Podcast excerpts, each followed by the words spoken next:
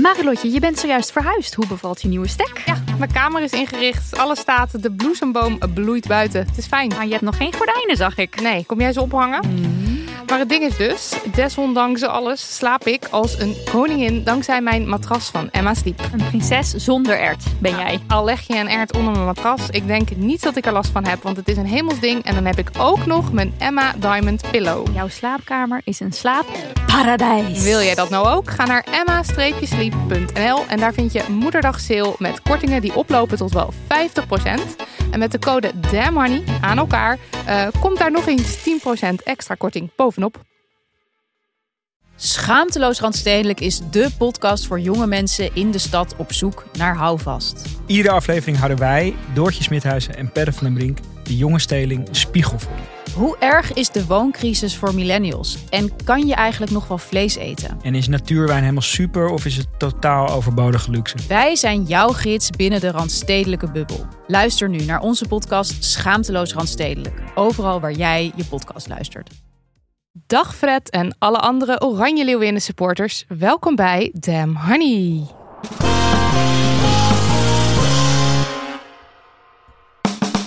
De podcast over shit waar je als vrouw van deze tijd mee moet dealen. Mijn naam is Marilotte En ik ben Nidia. en dit is aflevering 146. We gaan langs de feministische hoogte. En dieptepunten. Zoals we dat altijd ja, doen. Dat is zo kort dat intro, hè? Ja, maar ja, moeten we meer... Het is wat het is, toch? Het is Kort wat maar het is krachtig. en wat moet, dat moet. En eh, eerst gaan we natuurlijk beginnen met een leuk bericht. Niet ja, niet nee, kom maar door. Het is misschien niet zozeer een leuk bericht, meer een educatief bericht dat leuk is opgeschreven. Ja, het was wel echt lachen. Liefst, echt lachen. Ik vond het lachen. Liefste honingballen. Al 24 uur voel ik me een beetje dom en gegeneerd. Mogelijk, als ik mijn verhaal deel, kan ik voorkomen dat anderen hetzelfde overkomt. Het was alweer even geleden dat ik een SOA-test had gedaan, dus om even te checken of ik geen sluimerende ziekte bij me droeg, had ik een test aangevraagd bij de huisarts. Deze had ik mee naar huis gekregen en gisteren was het tijd om een vaginale uitstrijk te maken. Neem een gemakkelijke houding aan, zittend of staand, vergelijkbaar met die voor het inbrengen van een tampon. Breng de watstok ongeveer 5 centimeter in de vagina. Easy peasy, dacht ik. Maar tegelijkertijd voelde ik me ook wat ongemakkelijk en gehaast. Poging 1.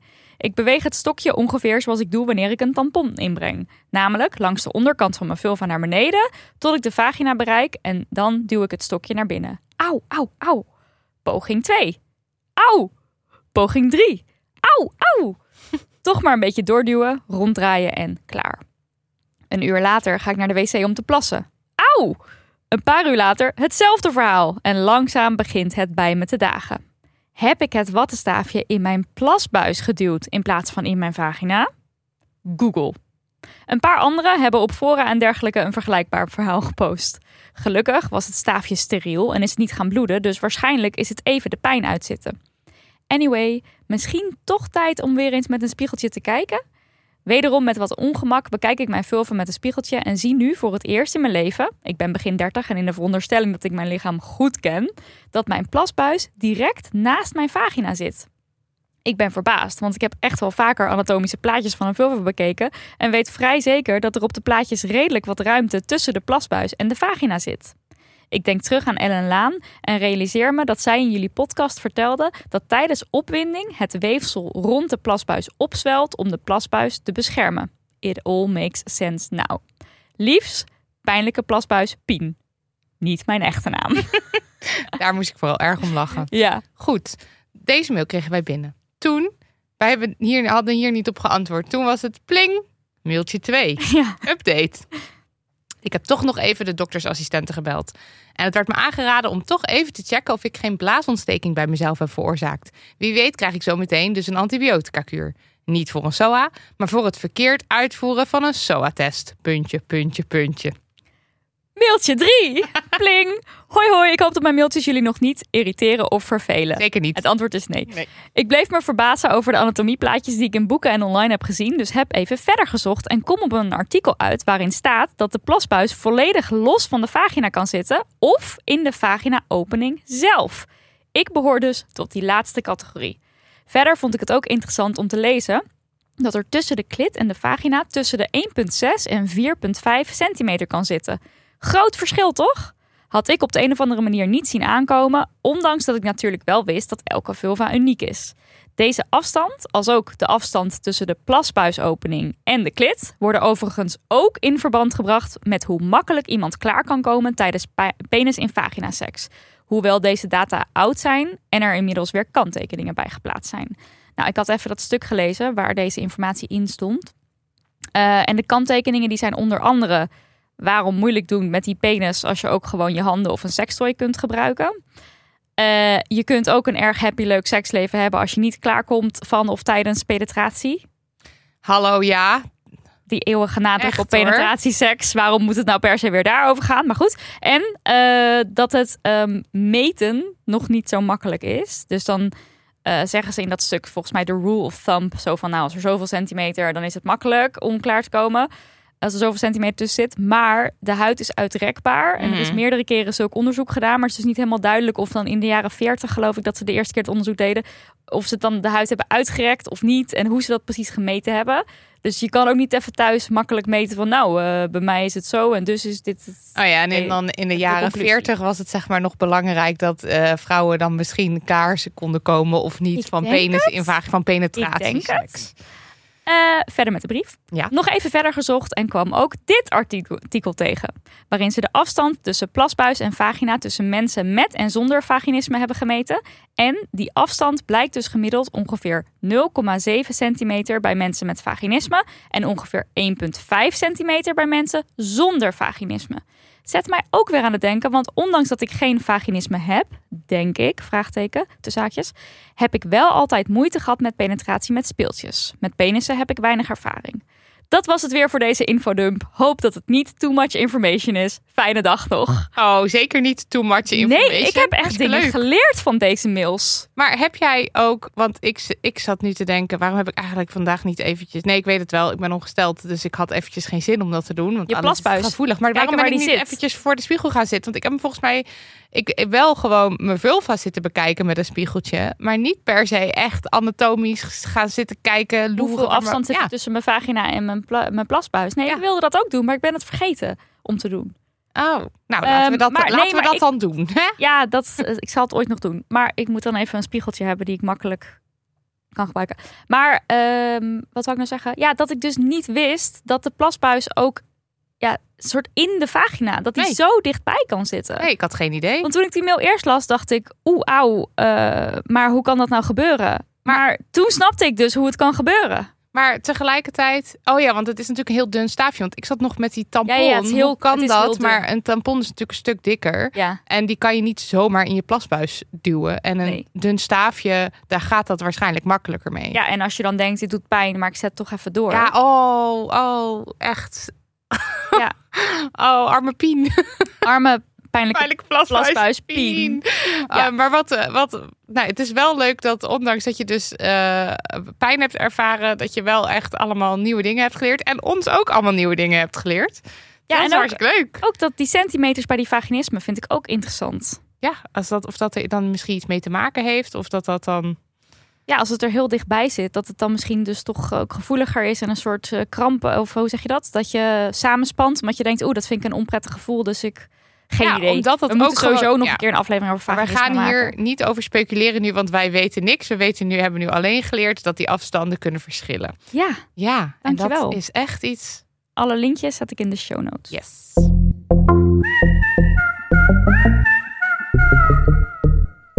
Slecht nieuws, mensen. We zijn er klaar We mee. zijn moe. Ja, en dus gaan we een paar weken met vakantie. Ik vind het wel verdiend.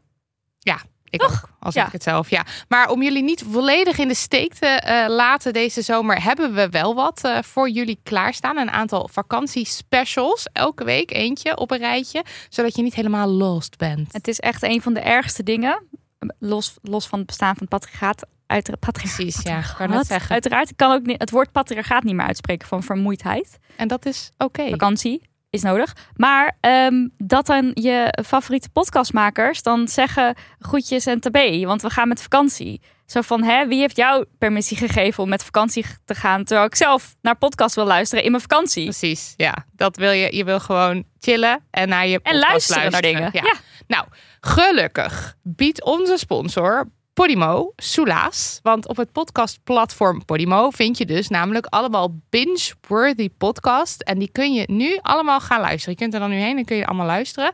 Dat kun je doen tijdens je vakantie. Dat kun je doen omdat je ons mist. Dat kun je doen omdat je ons zat bent en dat je dan gewoon niet meer terugkomt. Of om any other reden. Ja, maar het kan. Het kan. Het kan. Het is allemaal. Nou, Nidia, jij bent een, eh, een Podimo-adept, weet ik toevallig. Klopt. Wat, waar luister gezegd. jij toevallig, eh toeval, eh, naar? Ehm, nou, sowieso natuurlijk de rea- reality check aflevering op zaterdag. Mhm. Dus die staan alleen op Podimo. I love it over B&B vol liefde. Maar als je het echt hebt over bingen, dus dat je lekker een treinreis reis lang onder de pannen bent, of zoals mijn zomerplannen, dat je een schoonmaaksessie van de keuken onder Oh. de pannen bent, Meid, ik kom bijna klaar. Eh, dan zou ik bijvoorbeeld kunnen tippen Mr. Big. Ja, Vond ik fascinerend. Ja. Heb je ook geluisterd? ja zeker. Oh, ja. Nou, even voor de mensen thuis. Het gaat over Wim S. In 2014 bekende hij de moord op zijn vriendin. Maar later zei hij, eh, hallo, ik heb het helemaal niet gedaan. En ik zal geen spoilers geven. Maar de manier waarop hij tot die bekentenis gekomen is, die is toch wel redelijk bijzonder. Ja, het is een rollercoaster. Ja, Absoluut, Ja, een rollercoaster. echt een binge podcast. En ik ben net begonnen aan De Vrienden van Joran. De Oh. eerste aflevering die heeft mij gegrepen. Heb je hem ook al gezien? Nee, ja, ik heb gezien dat hij er is, maar wel nou, niet... ik heb dus alleen nog maar de aflevering 1 geluisterd. Het gaat over Joran van der Sloot dus. Eh, podcastmaker Ilan, die was bij het begin van corona in Peru. Moest toen op zijn hotelkamer blijven. Toen stuurde een vriend voor de grap... Haha, eh, Joran van der Sloot zit ook vast in Peru. En toen dacht Ilan... Joran van der Sloot, hoe zou ik met hem gaan? En dook hij in zo'n rabbit hole op internet. Want hij had toch niks te doen in die hotelkamer. Ging zich helemaal op Joran storten. Ja, Toen kwam hij een heel bizarre YouTube-video van een Skype-gesprek tegen van. Joran met een vriend. En het is heel raar, dat hoor je ook in de podcast. En dit is het enige wat ik nog weet, maar daar gaat Ilan dus verder in duiken. Ja, ik zie jou ook gefascineerd kijken. Nou, aflevering 2 en 3 staan nu ook online, zag ik. Dus ik ga nou. zo meteen meteen weer verder Ik luisteren. weet eh, wat ik eh, te doen heb. Heb jij nog een tippie? Ja, eh, twee. Eén, Villa Betty. Ja. Ja, maar goed, is dat nog een tip? Heeft niet iedereen dat al geluisterd? Maar als je nog geen Podimo hebt, dan misschien niet. Ja, leuk. Villa Betty gaat over ja, toch wel wat mysterieuze, de mysterieuze villa aan de overtoom van, van Amsterdam. Waar ik eigenlijk bijna dagelijks langs fiets. Ik heb lang niet geweten dat die er was. En toen ik wist dat die villa bestond, kon ik niet meer niet kijken. Ja. En toen dacht ik echt, wat is dit? Het is echt een mega villa gewoon midden in Amsterdam. Midden in Amsterdam met echt gewoon een grote Oprijlaan. en een tuin echt, en, en, en een tennisbaan aan het Vondelpark. Het is fascinerend en je denkt echt wie, wat, waar, hoe. Nou, de alle antwoorden in Villa Betty is heel erg leuk en meeslepend. En de podcast Er is iets vreemds gebeurd. Oh ja, dat, ik vind dat eigenlijk te eng. Ja, die is eng. Dat, mag ik, dat kan ik niet s'avonds het luisteren. zijn een soort, maar het ding is, het, is, het zijn griezelverhalen, maar het is, het, zijn, het is, het is e- het is echt in principe. Het zijn echte ervaringen van mensen Ja. of mensen die vertellen over iets wat zij hebben meegemaakt. Iets onverklaarbaars. Iets eh, waarvan ze geen chocola kunnen maken. Ja. Of ze hebben iets gezien, gevoeld. eh, ze wisten iets van tevoren waardoor ze wat ze niet konden verklaren. Het is ook echt iets voor mijn moeder trouwens, nu je dit zo zit te zeggen. Het is heerlijk. Ja, ik en, maar ik heb dus één, ik heb één avond gehad, toen was Cato weg. En toen was ik het aan het luisteren. Ik was de was aan het vouwen. Ik zat er helemaal in. Maar ik zat er zo erg in dat ik dacht, ik moet hem even uit. Ja, maar het is wel geweldig. En er is Ja. een tweede seizoen of niet? Ja, en Want ik heb alleen seizoen 1 geluisterd. maar ik kijk, nee, nee, volgens mij, volgens mij zijn er alweer meer. Oh, meer zelfs? Ja, want eh, ik kijk eens in de zoveel tijd of er nieuwe afleveringen zijn. En dan luister ik alles. Nou, Maar dit ga ik dan ook heel erg overdag tijdens die keukenschoonmaak ga ik dat luisteren. Ja, dan kan het wel. Zin in. Nou, eh, mensen, je kunt één maand gratis luisteren. Nou, en, en laten wij nou precies één maand, één exacte maand van de radar verdwijnen. Ja, dus die ene maand ga je gewoon lekker naar Podimo. En als je dan naar podimo.nl slash zomer gaat, krijg je dus één maand, 30 dagen lang, gratis. Lekker bingen!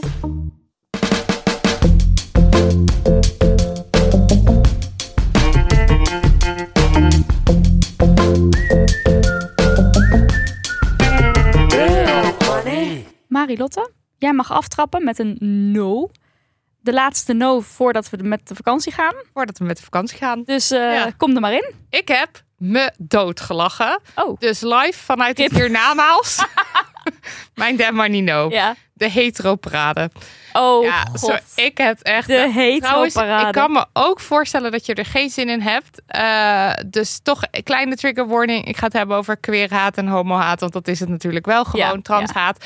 Eh, dus nee, skip het lekker als je er geen zin in hebt. Maar ik vond het zo grappig. Maar, en het is natuurlijk heel kut dat het er is. Maar heel even, de heteroparade vond deze week, afgelopen week, plaats op 1 augustus. Niemand wist het. Niemand wist het. Jazeker. En deze stoet aan mensen. Ga hoeveel straks mensen? vertellen Ja, hoeveel mensen. Ja. Deze stoet aan mensen trok van Duindorp in Den Haag naar het strand op een zeer regenachtige dag. Want het heeft in augustus echt de hele dag geregend. Nou, de spokespersons van de heteroparade zijn, zoals altijd met dit soort dingen, onze vrienden Erik en Lennart van Stichting De Roze Leeuw. Vrienden. En ja, vrienden tussen Haakjes. grote, grote haken. En eh, zij voelen zich niet welkom bij de Pride, want daar werden ze letterlijk aangevallen door groenharige mensen, omdat ze zich het liefst heteronormatief gedragen. Oh. Nou, initiatiefnemer van de heteroparade is Maurice van den Toorn. Zelf benoemd bekende Hagenees. En eh, wacht, ik laat hem zelf wel heel eventjes uitleggen dan... eh, eh, wat dan die heteroparade is. Het heet ook echt de hetero-parade. Ja, de hetero pride, maar heteroparade, ja. Ik eh, dacht eh, aandacht geven aan de hetero's, want ik eh, mis dat in, het, in de media. Ja, het is toch leuk, een hetero-parade, hè? een feestje voor ons. En dan is iedereen welkom, homoseksuelen, transgenders, iedereen mag erbij. Want daar gaat het niet om. Het gaat meer eigenlijk om een boodschap, een tegengeluid tegen dat woke gebeuren.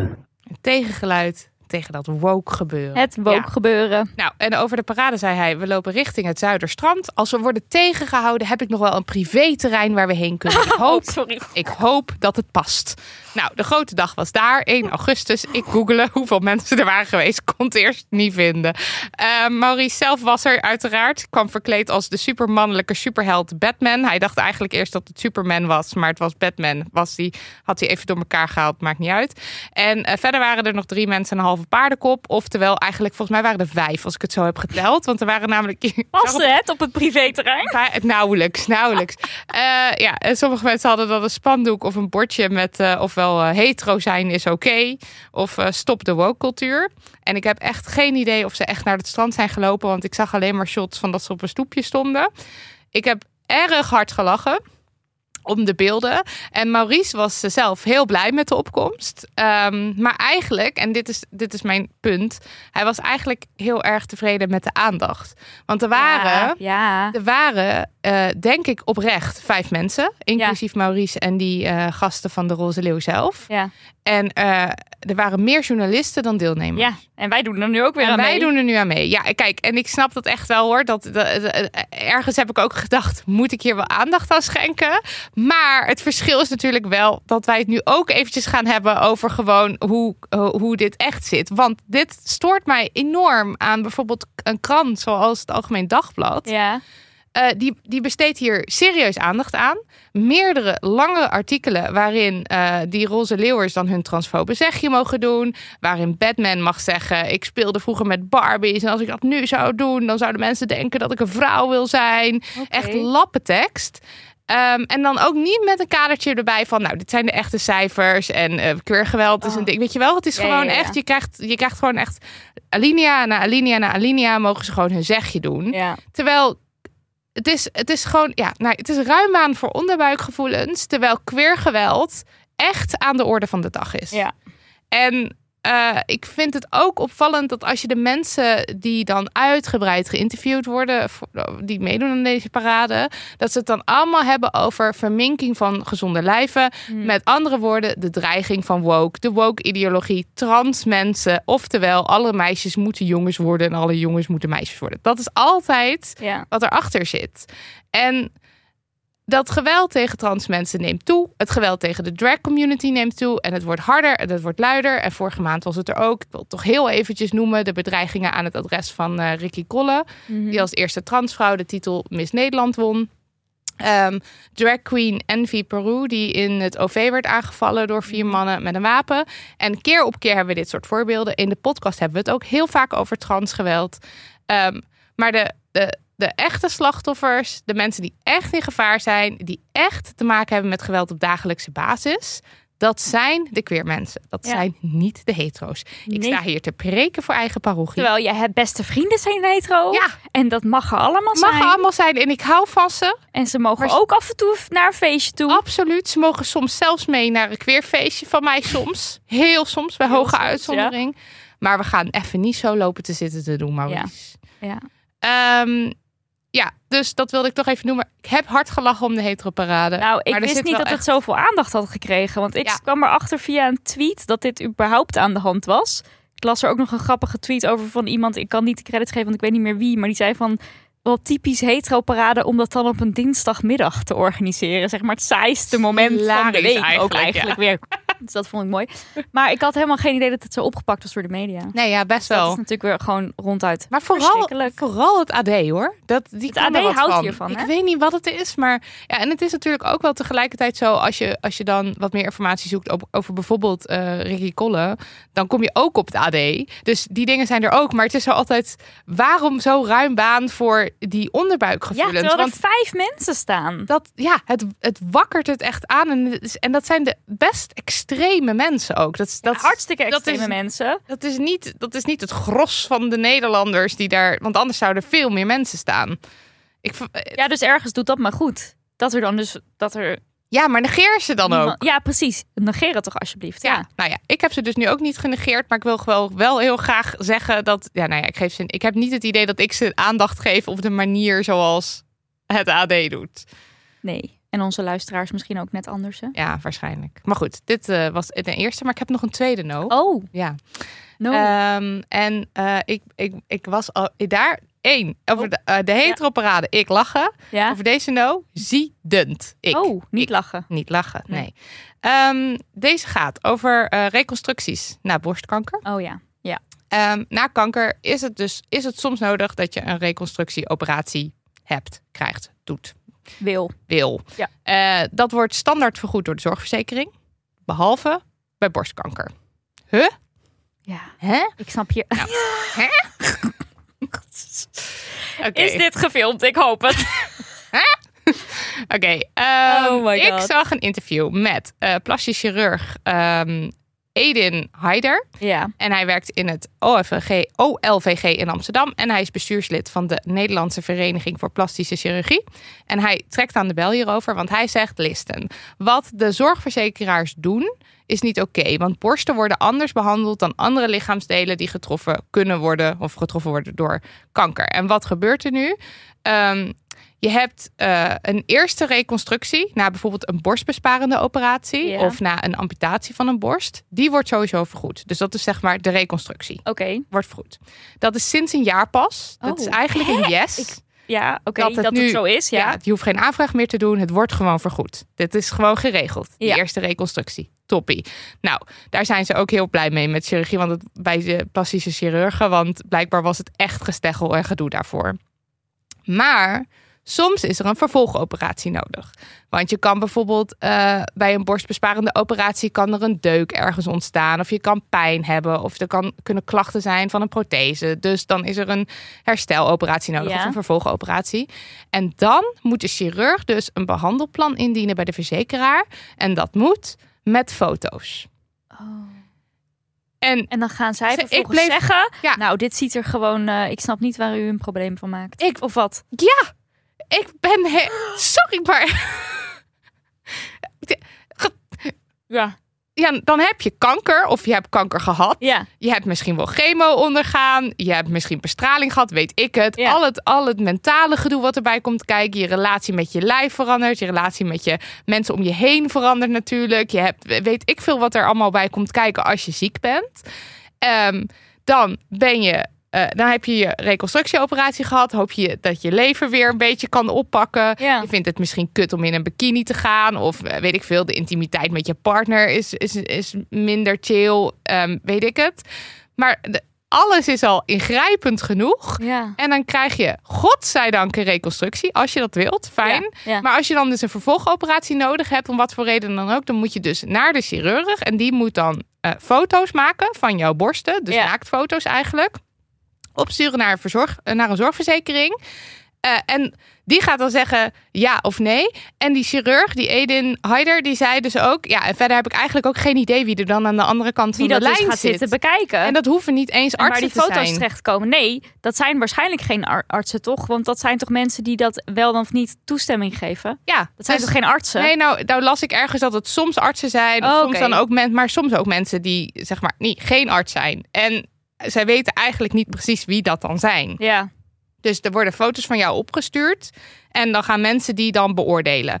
En ik vind het gewoon zo heftig dat experts eh, en chirurgen, de- de- dat zeg maar de experts, dat chirurgen zelf, dat die niet expert genoeg worden geacht. Dat die met zoveel wantrouwen worden bejegend. Dat als zij zeggen, we gaan een operatie doen, wat dit is nodig. want gewoon je- de vrouwen, toch?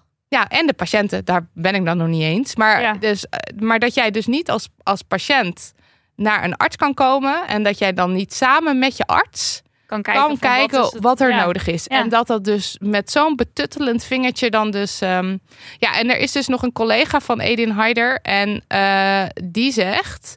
Er is wantrouwen bij verzekeraars als het om borstenoperatie gaat. Constateert eh plastisch chirurg en mede-NVPC bestuurslid André Piatowski de Grismala van het Maastrichtse UMC. En hij zegt: Ik heb het gevoel dat ze stiekem denken dat we borstvergrotingen doen. Ja. In plaats van dat we borstkankerpatiënten opereren. Ja. Eh, die- Ik, ik zit echt allemaal heftige bewegingen te maken. Ja. Ik vind het zo intens. Want ehm, de, dan, dan wordt, het, wordt dus zo'n foto opgestuurd. En dan wordt het afgewezen omdat bijvoorbeeld een deuk niet diep genoeg is. ja. volgens een verzekeraar. Of juist te groot. Of niet op, de, op een locatie waarvan de verzekeraar zegt dat het de operatie waard is. Ik had er een tweet over gelezen. Zal ik die Ja, voorlezen? Dat voor. iemand die dat zelf heeft meegemaakt. Als ik terugdenk aan de strijd die ik heb moeten leveren om mijn tweede reconstructie vergoed te krijgen, word ik bijna opnieuw depressief. Het is geen afwijking van plus 5 centimeter in het decolleté, dus geen verminking. Er zijn wel meer mensen met niet zulke mooie borsten. Wen er maar aan. Ja, precies. Dit is zo'n. eh, oh, ik word zo. en dan de vervolgtweet. En waarom een tweede reconstructie? Omdat ik de kankerverwekkende allergan siliconenprothese had. Net zoals vrijwel elke kankerpatiënt met prothese in Nederland. Daar wilde ik natuurlijk vanaf. Ja. En dan ga je er dus Ja, als verzekeraar van uit dat omdat een, iemand eh diens borsten niet mooi vindt. eh, of niet mooi genoeg, dat je dus naar je chirurg gaat om het mooier te laten maken. En dat is echt wa- wat, die, eh, wat Edin Heider ook zegt, eigenlijk wat elke chirurg ook zegt. We doen geen cosmetische operaties. Dit is eh, om de kwaliteit van leven te verbeteren. Dit is om pijn weg te nemen. Dit is omdat mensen last hebben of bang zijn of, of weet ik veel wat voor reden ze hebben. En dingen ook als schaamte of eh, depressie, zeg maar, alle mentale klachten die erbij kunnen kijken, worden helemaal niet meegenomen. Nee. En dat.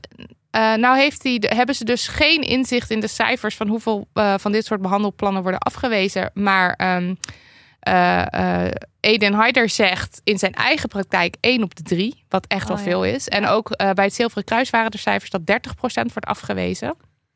Mensen, mensen. En dit is dus echt alleen voor borstkanker, hè? Want Ja, alle andere bizar. vormen van kanker, zo, weet, nou, er zijn verschillende chirurgen die dan allemaal voorbeelden gaan noemen. Wat Ja. bijvoorbeeld dan huidkanker, halskanker, lipkanker, al die dingen. ja, Daar ook voor, eh, zeg maar voor de eerste reconstructie hoeven ze niks te doen. Maar voor alle vervolgoperaties prima. En iemand zegt zelf, het is een hele mannelijke visie. Voor hoofd-halsreconstructies en penisreconstructies hoef ik geen aanvraag te doen. ja.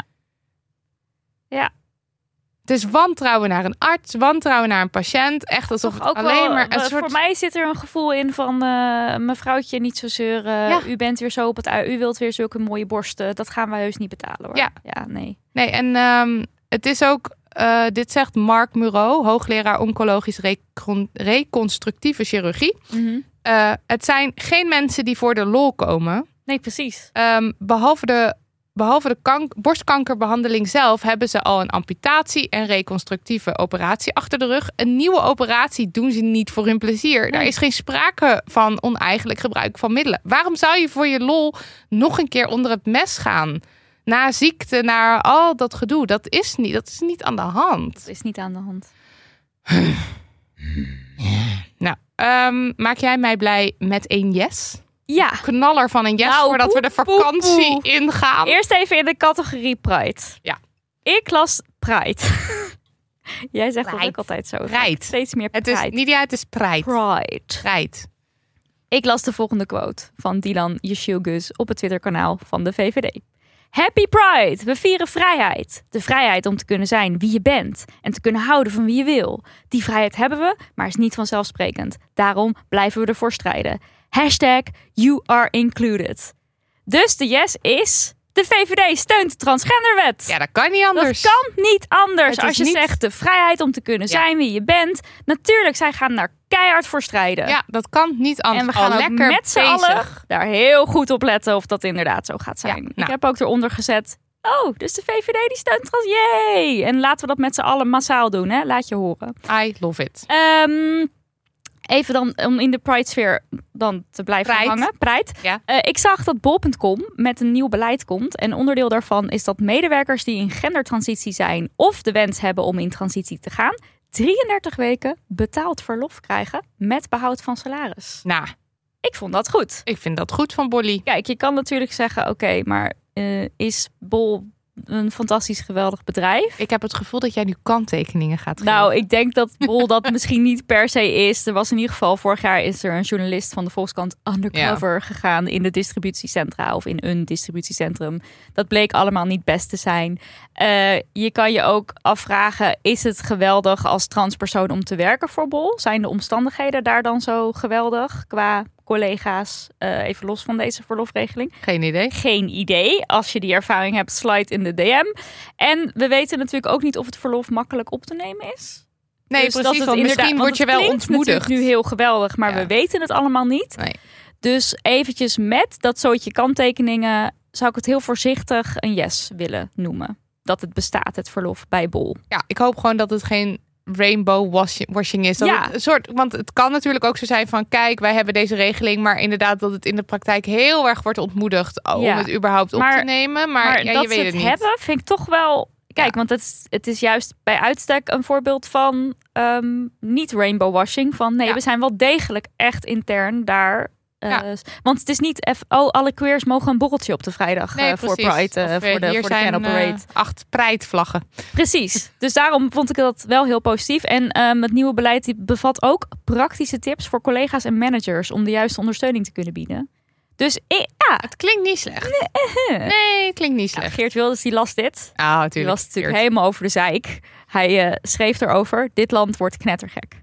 Met hoofdletters knettergek. Ach, En dan had hij ook nog een foto van KLM. Eh, die had namelijk startbaan in de Progress Pride kleuren geverfd. ja. Waarvan ik me dan dus wel afvraag: oké, Rainbow leuk, ja. leuk. Maar verder, wat doe je nog meer? Daar schreef hij: ik word gek van dat woke en LHBTIG plus gedram. IG. Ja, waarom staat er een LHBT IG plus. plus. Ja, ik dacht, waarom kom ik er ook niet uit? Maar het is gewoon een rare volgorde van dingen. Maar die G die klopt De toch ook G niet? klopt niet. Het moet een Q zijn. Ik heb het gewoon ge- ge- copy-paste volgens mij. LH. Oké, nou ja, LH. anyway. Ja. Doe eens normaal allemaal. En hou op met die overdreven gekkigheid. Ehm, wat mij ook maar weer liet zien. Alles wat hij ooit gezegd heeft over queer mensen. eh, in support van queer mensen. was natuurlijk alleen maar om zijn moslimhaat Tuurlijk. eh, te kunnen laten shinen. Dat wisten we. Maar het is wel even weer goed om de bonnetjes erbij te krijgen. ja, nee, dat Marieke is waar. Kuipers zag ik er ook alweer scherp op zitten. Ja, en je Onze moet internet podcast collega die altijd alle facts checkt. En je moet het natuurlijk wel, want dit. eh, ja, hij, hij kan nu dit tweeten en dan over, over Ja, acht of tien precies. weken weer iets Ja, totaal dus anders. daarom- En soms dan zie je dat niet allebei. Dus en hetzelfde voor je shoegus. Daarom, Ja. we zeggen het eventjes, zodat we ook weten, we, hebben de bonnetjes. Bonnetjes. We hebben de bonnetjes. Bonnetjes. Even een blokje sport. Ja. Vorige week goud op het WK waterpolo voor de vrouwen. Hey. Deze week goud op het WK parazwemmen voor Chantelle Zijderveld op de 100 meter schoolslag 6 eh, SB9. Dat is een categorie binnen de parazwemmen. Hey. En Nederlandse winnaar in de Tour de France van Demi Vollering. Hey. Nou, is toch vet? Echt wel hoor. Ja, ik Ja. vind het vet. Ehm, en dan is er natuurlijk ook nog het WK voetbal dat gaande is. Nederland heeft de groepsfase met glans doorstaan. We zijn eerste geworden. Heb je het een beetje Ik, meegekregen? nou, nauwelijks. Nou, we zaten dus in een pool eh, met Vietnam, Portugal en de Verenigde Staten. De Verenigde Staten is, is nu wereldkampioen, hè? Ja, dat moment. wist ik wel. Dus dat is nogal, het is wel een pool. Portugal ook niet eh, de beroerdste op het Nee, veld. precies. Dus eh, dat we winnaar zijn geworden van de pool is gewoon heel erg vet. Maar wat ik eigenlijk vooral vet vind, of een yes vind, is toch wel het zien shinen van al die vrouwen. En het is, het is misschien een beetje een sullige yes. En ik zat te denken van waarom vind ik het nou zo vet om er naar te kijken? En Maar jullie vroeger Volg sport? jij het? Nou, kijk, de wedstrijden, het is, speelt zich af in Nieuw-Zeeland en Australië. Ja. De wedstrijden zijn heel ehm, Midden in de nacht Ja. bij ons. ja, erg vroeg, zou je kunnen zeggen. Of s'nachts, ja. Maar je kan wel gewoon allemaal video's eh, natuurlijk terugkijken. En eh, NOS heeft live blogs die je kan teruglezen. En allerlei video's en nabeschouwingen. En soms zijn de wedstrijden wel wat later. Dus dan kan je zo'n nabespreking nog wel eventjes. Ik heb vanochtend een nabespreking zitten te kijken. Dat was wat later op de dag. Eh, en op Twitter zie ik ook gewoon mensen die er over tweeten. Ja. Van over de hele wereld. Dus bijvoorbeeld dat ze allemaal Esmee Brugts willen overkopen. Dus Nou ja, dat ze- is wel heel ze zo cool. naar Arsenal te tweeten van kunnen we alsjeblieft Esmee Brugts hebben, want zij is fucking vet. En zij heeft namelijk twee hele coole doelpunten gemaakt tegen Vietnam. Ehm, maar wat ik er, waarom ik het denk ik zo vet vind. Keken jullie vroeger sport thuis? Ehm, nou, mijn vader. En welke sporten? Ja, voetbal. Af en toe. Het was niet echt sport eigenlijk. Eigenlijk, nee. dat is bij mij Wij dus zijn niet een hetzelfde. sporthuishouden. Wij zijn ook niet een sporthuishouden. Je hebt wel huizen, vrienden van mij, waar dan tennis, schaatsen, Formule 1, Nee, noem het allemaal op, altijd aanstaat. Bij ons dus niet. Behalve voetbal.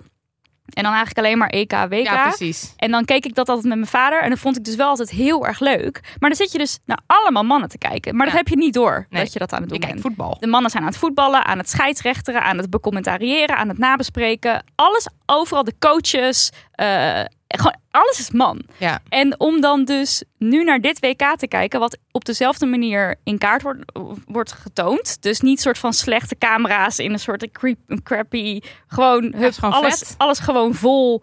Zoals we het ook kennen bij de mannen bij het WK. Is inderdaad gewoon fucking vet. En het zijn niet alleen maar mannen, eh, vrouwen. Dus je hebt ook nog wel een man die af en toe commentaar geeft. Maar je hebt ook bijvoorbeeld- een vrouwelijke scheids. eh, of ehm, de reporters die aanwezig zijn, zijn vrouwen die de wedstrijden voorbespreken. Of de mensen interviewen. En ik geniet daar gewoon van om daar naar te kijken.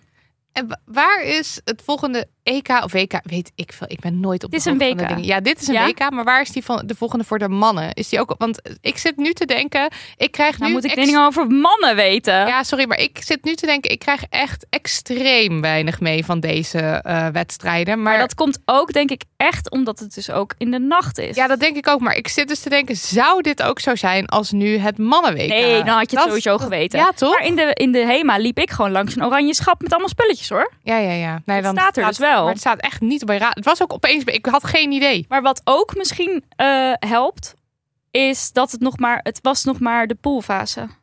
En de poolfase bij het WK, eh, kijk, jij gaat sowieso niet naar het WK kijken, maar poolfase wedstrijden kijk jij al helemaal niet, toch? Maar als Nederland dan eenmaal wat verder komt, Ja, dan wel. Dan ben jij wel mee. Ja, dan wel. Ja, Ja, dus nu, leuk. voor de achtste finale ben jij misschien ook wel mee. Nou, misschien wel. Misschien. Maar eventjes zo niet midden in de nacht. Ik ga er niet midden in de nacht voor opstaan. Maar dat zou ik ook zeker niet doen voor de mannen. Nou, ik zit er wel aan te denken om dat te gaan doen. Ja? Maar eh, eerst nog even wat anders. Want ik zag ook een video voorbij komen op Instagram. Heb jij die ook gezien? Een Frans reclamefilmpje van Orange. Orange. Nee. Oh, heb je die niet gezien ook? Nee. Oh, leuk. Oké, nou. Je ziet voetballers. Wacht, ik vind het zo bizar dat dit allemaal zo langs me heen is gegaan.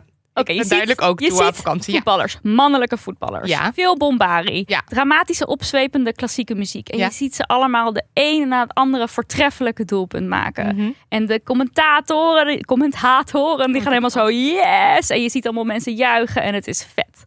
Dan wordt het filmpje teruggespoeld. Rewind. Bzzzt. En dan zie je dus dat er met filters mannen zijn gemaakt van de daadwerkelijke vrouw, Franse vrouwen. Echt? Dus eigenlijk heb je al die tijd naar Franse vrouwen, het elftal zitten kijken. Die dus hele sikke doelpunten maken. Eh, dat is misschien niet netjes om te zeggen sick. Die hele vette doelpunten zitten te maken. En ehm, daar ga je dus helemaal mee van wow, vet. Wow, dat was echt een vet doelpunt. En dan blijkt het dus vrouwen te zijn, al die tijd, Dat waar je naar zitten cool. kijken. Eh, en dat laat dus maar weer zien, vrouwen hebben ook talent. En die kunnen ook vette dingen doen. En die Wat? kunnen ook vette acties Hè? maken.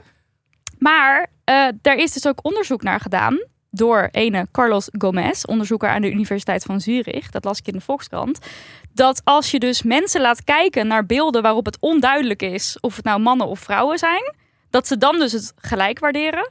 Maar als het wel duidelijk is dat je naar mannen zit te kijken en dat je naar vrouwen zit te kijken, dan waarderen ze dus de mannelijke voetballers Oh ja, hoger dan de vrouwen. En er schijnen ook andere onderzoeken te zijn dat bijvoorbeeld in de muziek, als je eh eh, muzici tijdens audities onzichtbaar maakt achter een kleed dan worden de vrouwen dus ook eh, hoger beoordeeld dan als ze wel zichtbaar zijn. Ja, dat is toch weer. Fascinerend. Het zit zo in ons. En nou kan je op zich wel zeggen over die reclame van Orange en van het experiment van de Universiteit van Zurich. Van ja, oké, maar eh, je knipt eventjes de vijf allercoolste acties van vrouwen. En Daar plak je dan een man overheen of je blurt het. Ja, natuurlijk is het vet. Maar als je naar volledige wedstrijden kijkt of naar het, het grotere speelveld kijkt, dan is de kwaliteit toch lager. Ik bedoel, toch? Dat kan je Ja. Zeggen? Maar dat is logisch. Ja, nou één, het is logisch. Dat hebben we ook al heel vaak gezegd in deze podcast. Want zeg maar wel even nog de keer. tijd geven en de juiste coaching geven. En van jongs af aan al voor, als volwaardig zien. En geld. Heel veel geld geven. Ja, je moet ze gewoon alles bieden wat dan eh een mannelijk elftal ook krijgt om ze op hetzelfde niveau te krijgen. Maar Gomez die wijst er dus ook in de Volkskrant op dat voetbalfans doorgaans prima door verschillen in niveau heen kunnen kijken. Een eredivisiewedstrijd kunnen ze net zo eh hoogelijk waarderen als een topwedstrijd in de Champions League. Spanning, loyaliteit aan de club, de sfeer in het stadion. Het zijn allemaal Ja. factoren die meespelen naast de pure kwaliteit van het voetbal. Ja, zo En dan logisch gaf ook nog een voorbeeld van boksen. Dat lichtgewicht boksen, daar kijken toch ook mensen naar. Het is dan toch niet opeens van ja, maar het lichtgewicht, eh, die kan minder hard een stoot geven. Of Maar ik weet niks van boksen. Ik zeg nu dingen die niet waar zijn misschien. Anders zouden we ook echt alleen maar kijken naar eh, de echte top van de top. Altijd. Als dat het echt het enige was wa- waarom, Waarom mensen... zou je dan nog naar voorrondes kijken? Waarom zou je dan nog naar kwalificatiewedstrijden? Waarom Maar en- zou je niet alleen maar naar de twee allerbeste teams ter wereld kijken? Want alles is saai. Ja. Toch? Ja. Dus, dus dan... Ja. Heel goed. Nou, heel Nou, goed. alles zo'n, drinkt eh, door, langzaam. Ja, zo'n. WK dat heeft natuurlijk dan en de manier waarop er verslag van gedaan wordt, eh, dat, dat, dat helpt denk ik dan weer om er dus weer meer bekendheid, meer beelden. Ook die Tour de France, eh, weet je wel, dat je dan die beelden ziet en ook jonge, jonge meiden die dat zien en denken, oh ja, vet, ik kan ook fietsen bij de Tour de France. Kan gewoon. Ja, gewoon. Dan, shout-out naar Fred. Ja, Fred. Fred uit Arnhem. Oh. Die heeft zijn huis, zowel aan de binnen- als buitenkant, helemaal versierd met oranje vlaggetjes en Hup Holland, Hup versiersels. Om die vrouwen te supporten. Even een fragmentje van Fred. En hoe kwam u op het idee om het huis te versieren? Eh, omdat ik ieder jaar als een Nederlands elftal speelt, zowel heren de dames, wil ik het gewoon eh, leuk versierd hebben. En het is jammer dat het hier in de buurt niet zo erg eh, opleeft. Ik hoop nou dat, iedereen het heeft gezien van mij, dat er ook meer mensen het gaan versieren, ook voor de vrouwen. Kijkt u zelf ook naar de wedstrijden? Ja, kijk, ik zelf aan de wedstrijden. Zo, afgelopen keer heb ik ook s'nachts opgezeten. En als ze nou doorgaan, en je moet er om vier uur spelen, dus daar ben ik er weer bij. Dus ik zeg maar te juichen. Ja, hij is er om vier uur 's ochtends ook gewoon bij. En eh, laten we nou net op eh, zondag 6 augustus weer om vier uur 's ochtends spelen. Achtste finale tegen Zuid-Afrika. Eh, Ga jij opstaan dan? Jij zit eraan te denken? valt niet mee om WK-supporter van de Oranje Leeuwinnen te zijn dit, dit WK. Nee. Met die tijden, maar Misschien... Oh, ja, jij durft... ik jij vind het wel echt heel erg leuk. Ja. Ja, ik, ik ben ook gewoon even... Ik ben gewoon niet zo voetbalfanaat. Het helpt denk ik ook als je dus de spelers meer leert kennen, de verhalen daarachter. Dat heb ik altijd met voetbal. Ja, en bij mij als gaat ik het alles ook wel... weet van die mensen, dan vind ik het heel leuk. Denk, oh ja, ehm, vet, vet. Ik heb dat ook, maar Wat ik heb ook wel echt heel erg eh, de sfeer nodig. Want ehm, Ja. Eh, als, als, als er om mij heen al Ja, een paar vier uur mensen... 's ochtends. Vier uur- moet je dan zit je in je eentje of je gaat eh, Nee, met, ik ga dan naast jou zitten. Ja, met mijn oranje vlaggetje. nou ja, doorhalen kan wel. Het is toch preit. Dus ja, Het is niet? en we hebben vakantie. ja, daarom. Dus We doen het. zit ik er ook wel. We doen het. Oh, dan moet dat zeker ook op Instagram. Als, oh nee, we hebben vakantie. Er hoeft niks op Instagram. Mm, misschien doe ik het wel. Dit was aflevering 146. Show notes vind je op demoney.nl slash aflevering 146. En in de loop van de week vind je er ook het transcript. Bedankt Holy Trinity, Daniel van de Poppen, Lucas de Gier en Liesbeth Smit. Veel dank aan Amberscript voor het gratis beschikbaar stellen van jullie amazing software. En bedankt lieve mensen die typewerk op zich nemen. Marleen, Marlou, Marloes, Elise, FQ, Shura, Melissa, Barbara, Joan, Fenna, Sabine, Meike, Dirk, Laura, Lisanne, Rivka, Sabine en Hanna. Nou, voor ons is het dus vakantiemodus aan. Yes! Yes, op zaterdag 2 september verschijnt er weer een reguliere aflevering van Damn Honey. Eh, en tijdens onze vakantie blijven we dus gewoon elke week verschijnen in je podcastfeed met erg leuke vakantiespecials. Al zeg ik het zelf. Een beetje anders dan anders, maar wel fun. Wij kletsen nu nog even door en je doet het er maar mee. Onze bonus podcast, die gaat over Eh, ja, god, ik had een aanrijding. Nederland. Oh, Een aanrijding. ah, oh mijn god.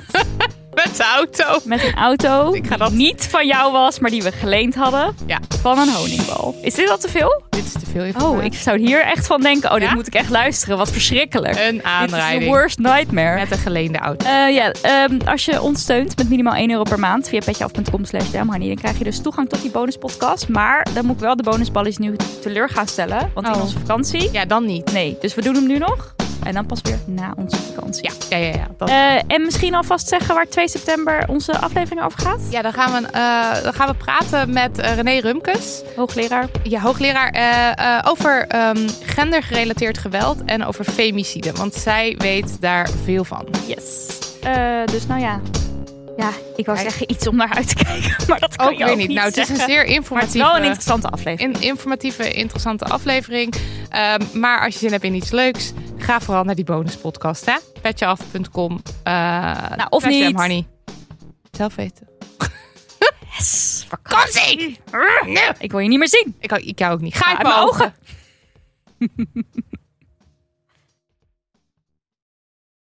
Kussens, bedden, matrassen, beddengoed. Emma Sleep heeft het allemaal. Ga naar emma-sleep.nl om van jouw slaapkamer een slaapparadijs te maken. Er is nu moederdag sale gaande met kortingen die oplopen tot wel 50%.